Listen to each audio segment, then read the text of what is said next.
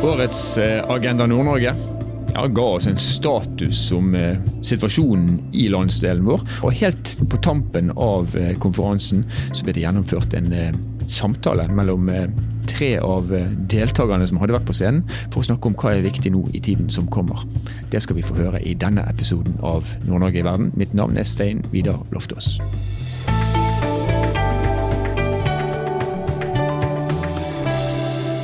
Konsernsjef Liv B. Ulriksen fra Sparebank1 Nord-Norge var jo egentlig verten for hele Agenda Nord-Norge og hadde sitt foredrag på dag én der hun snakka om konjunkturbarometeret. Kristian Kramer han er direktør i Sjømatrådet og snakker om viktigheten av sjømat og det som vi eksporterer til verden fra havet utenfor landsdelen vår. Og så var Monica Nilsen også med i denne oppsummeringssamtalen. Hun har ikke vært på scenen tidligere, det var hennes første opptreden under Agenda Nord-Norge. Hun er til daglig ordfører i Alta kommune. Her kan du høre hva de snakker om.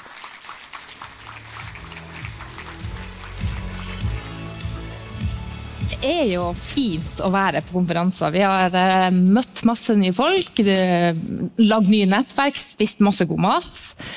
Men har du Monica, fått ut det du skulle faglig av denne konferansen? Jeg syns det har vært en uh, veldig god konferanse.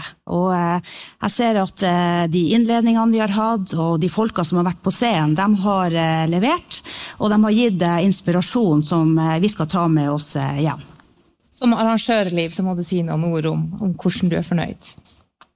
Jeg er veldig godt fornøyd. Jeg syns vi skal takke for den honnøren vi har fått til de som sier at vi har satt sammen et program som favner vidt.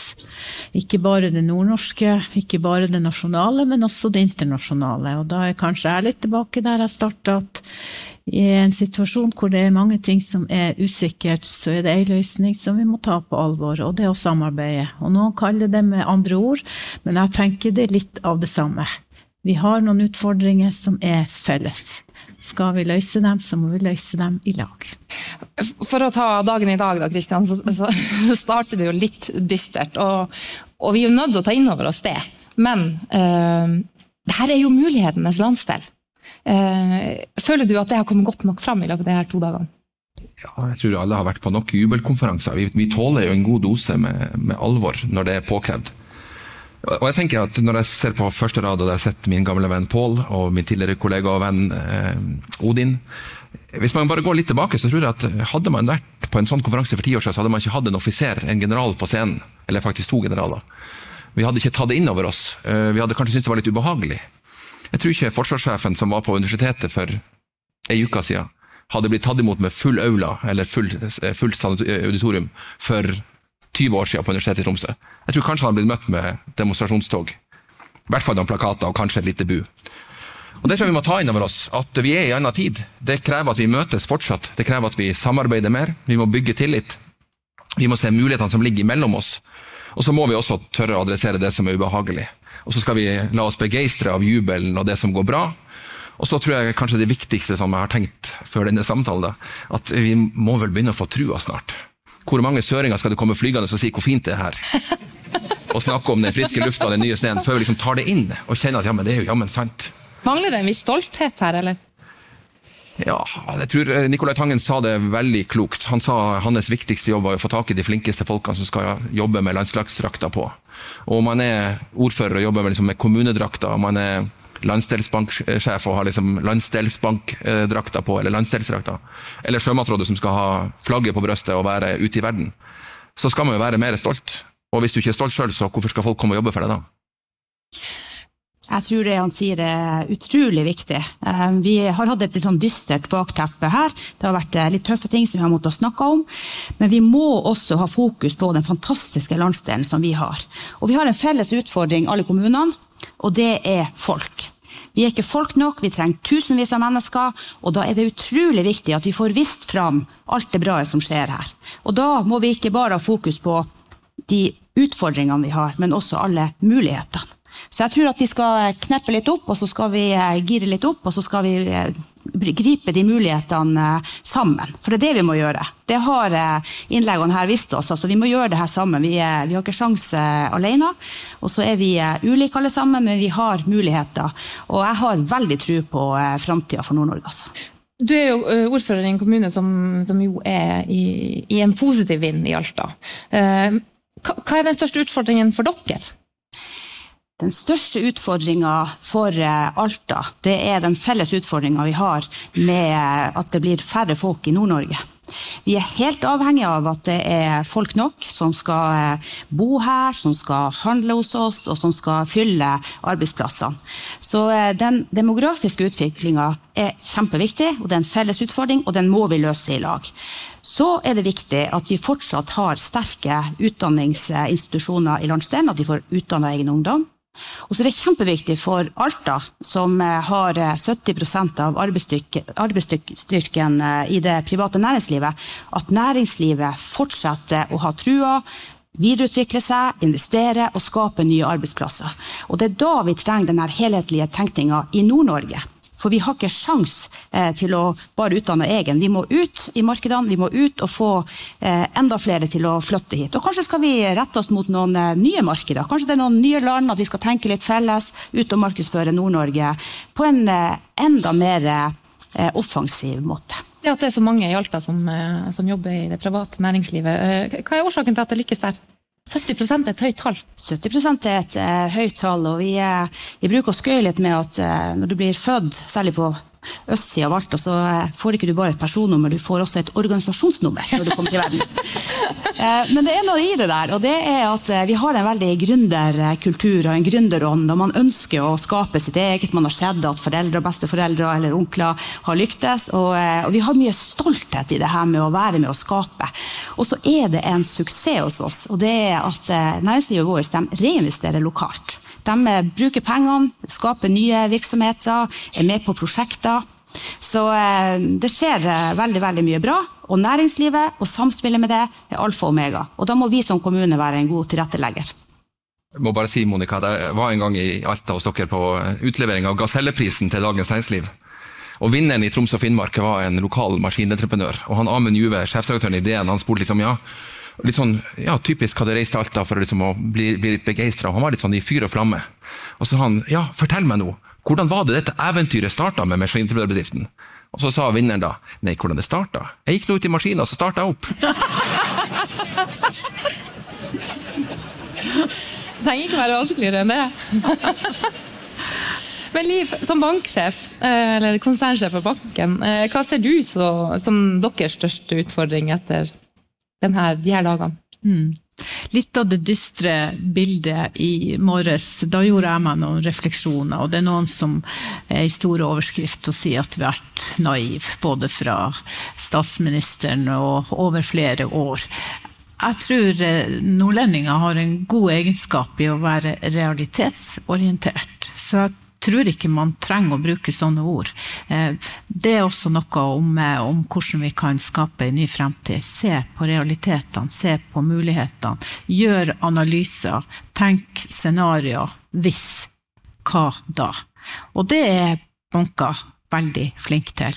Det er nesten 1000 ansatte i Sparebank Nord-Norge, og hvis det er noe mange av dem jobber med, så er det å ta risiko. Så det har vi god erfaring med. Og så var det flere i dag som snakka om at det lønner seg å øve. Og det gjør jo vi i bankene hver eneste. Og hvis det er litt sånn alvorlig, vi øver også i banker, og på nye ting.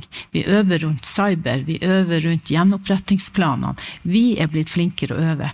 Det tenker jeg at vi kan bidra med til det nordnorske samfunnet også. Sette litt fokus på å bli forberedt på ting.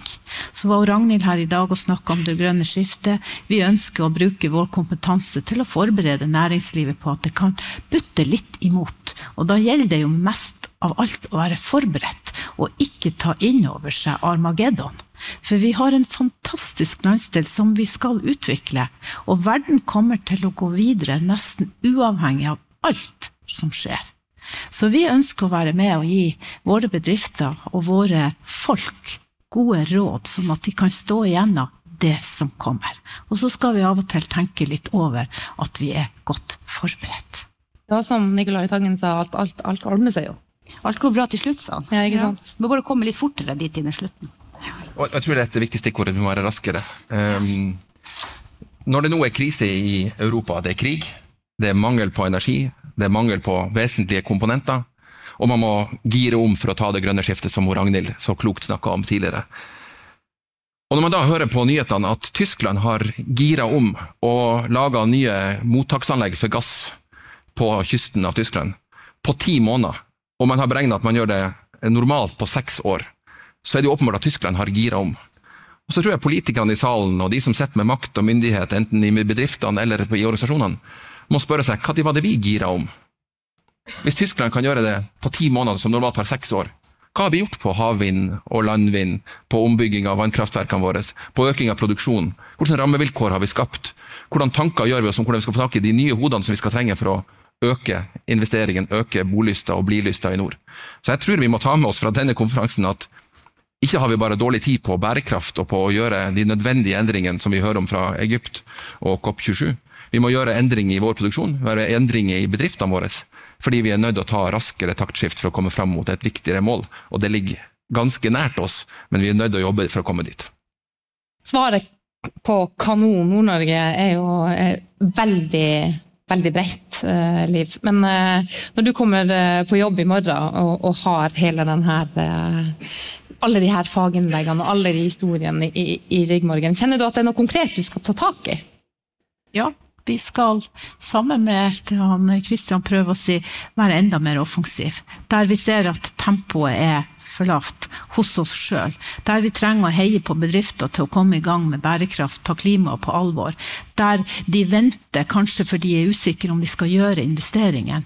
Vi skal videre. Vi skal fortsette å investere. Så skal vi være realistiske til det som kanskje er det litt dystre bakteppet, sånn at ikke vi går helt i lås. For vi har, som mange på podiet i dag har snakka om, fantastiske forutsetninger. Noen sier kanskje det beste i verden. Noen sier kanskje det beste i landet. Det skal vi bruke mesteparten av tida på. Og som bank kan vi bidra med penger, som andre kjenner til. Skal vi forsøke å ta en sterkere rolle ved å være nær våre kunder. Det er mange som snakker om nærhet, og vi hørte det sist gang. Det å ha en posisjon Vi skjønner Nord-Norge, vi er bare her. Det mener vi gjør oss til en god rådgiver når det skal investeres, og kanskje også når det butter imot. Så vi skal være enda mer i kontakt med kundene våre og sørge for at det skjer noe. Det skjer noe fortere, og at vi er de som skjønner bedriftene, gründerne, og de som kanskje møter en litt tøffere hverdag i forhold til husholdningsøkonomi. De vet de har banken i ryggen. Vi skal videre. Det her får vi også til har eh, tenkt, da, i likhet med det de sier, at vi alle har, alle har, en jobb å gjøre. Det er jo ikke sånn at det er de som er på podiet som har den viktigste jobben. Den viktigste jobben har de som sitter i salen. Og jeg mener at Utfordringa til oss alle som har brukt to dager på en konferanse, er jo å gjøre noe med det. Så hvis man drar tilbake på kontoret eller hjem i ettermiddag og ikke deler det man har hørt, ikke går inn på KBN-en og ser på kunnskapsgrunnlaget, som er vårt felles kunnskapsgrunnlag, forvalte det videre, spør hva banken kan gjøre mer, har man gode ideer til nye analyser, Bygge det sammen så man får mer kunnskap og mer samarbeid, bygge mer tillit. Jeg tror man må snakke om det i bedriftene. Det man har hørt, må man dele i sosiale medier. De filmene som ligger ute etter hvert, er nødvendig å ta tak i. Og så er det jo sånn at alle har jo snakka med noen. Sånn som Hanne Karoline Kremer sa i går på åpninga av kveldsarrangementet. Vi må snakke med ungdommene. Og Det tror jeg også er en viktig sånn call to action. Vi må gjøre mer med de unge menneskene for å få dem til å bli i landsdelen. Og Da må vi som er så gammel som jeg er blitt, vi må gjøre mer med de unge folkene. Og Det tror jeg også er en oppfordring til alle i salen. Vi må tenke de vi har snakka med, hvem kan vi følge opp? Ikke for å nødvendigvis selge mer, for det skal noen gjøre, men ikke alle. Men det er helt sikkert noen som har snakka med noen kloke folk, som man burde sende en mail etter dette og spørre skal vi ta en prat til. En kopp kaffe. Det er det som skal til for å få en snøball til å rulle raskere. De unge i Alta, blir dem mange blir. Eh, og noen reiser selvfølgelig bort og ikke kommer tilbake. Men jeg tror at det, de har vært innom det også i innlegg fra scenen her. Det her med å ha en attraktiv fritid. Altså det med å være en kultur, eh, kulturkommune der det er konsertarrangementer, der det, der det, skjer noe, der det er idrettsarrangementer. Det er kjempeviktig. Og jeg tror at, eh, at, det er noe som man kan gjøre i ulik skala. Vi så hva de hadde gjort eh, i, i Hemningsvær og, og de stedene. Og det er mye man kan gjøre. Man må finne sin måte å gjøre det på. Og hvis ikke vi klarer å lykkes med ungdommen, da har vi tapt. Da har vi tapt. Så, så vi må være attraktive, vi må snakke med dem. Og så, så, ble det også nevnt det her eh, med ensomhet. eh, både blant ungdom, men også blant dem som kommer til oss. Altså dem som vi trenger skal bli. Og der tror jeg vi som eh, kommuner og arbeidsgivere bør tenke litt mer. Altså Hvordan skal vi involvere dem til å på en måte kjenne på den stoltheten vi har for kommunen? Hvordan skal de føle seg enda mer velkommen? Hvordan kan vi invitere dem inn på kaffe, middag, ut på tur? Vise fram det fantastiske vi har. Det eh, sitter jeg igjen med eh, som en av pilarene som, som, jeg må drøfte med mine når jeg kommer hjem. Hvordan skal vi gjøre det? Tusen takk skal dere ha for en eh, fin oppsummering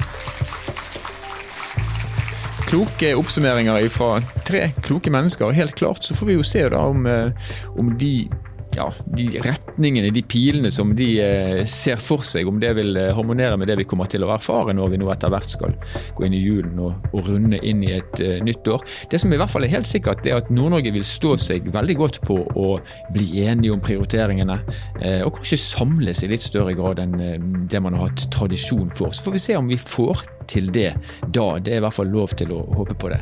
Nord-Norge i verden er en podkastserie som er produsert av Sparebank1 i samarbeid med Helt Digital. Musikken du har hørt er laget av Emil Karlsen. Mitt navn er Stein Vidar Loftaas. Vi høres igjen i neste episode.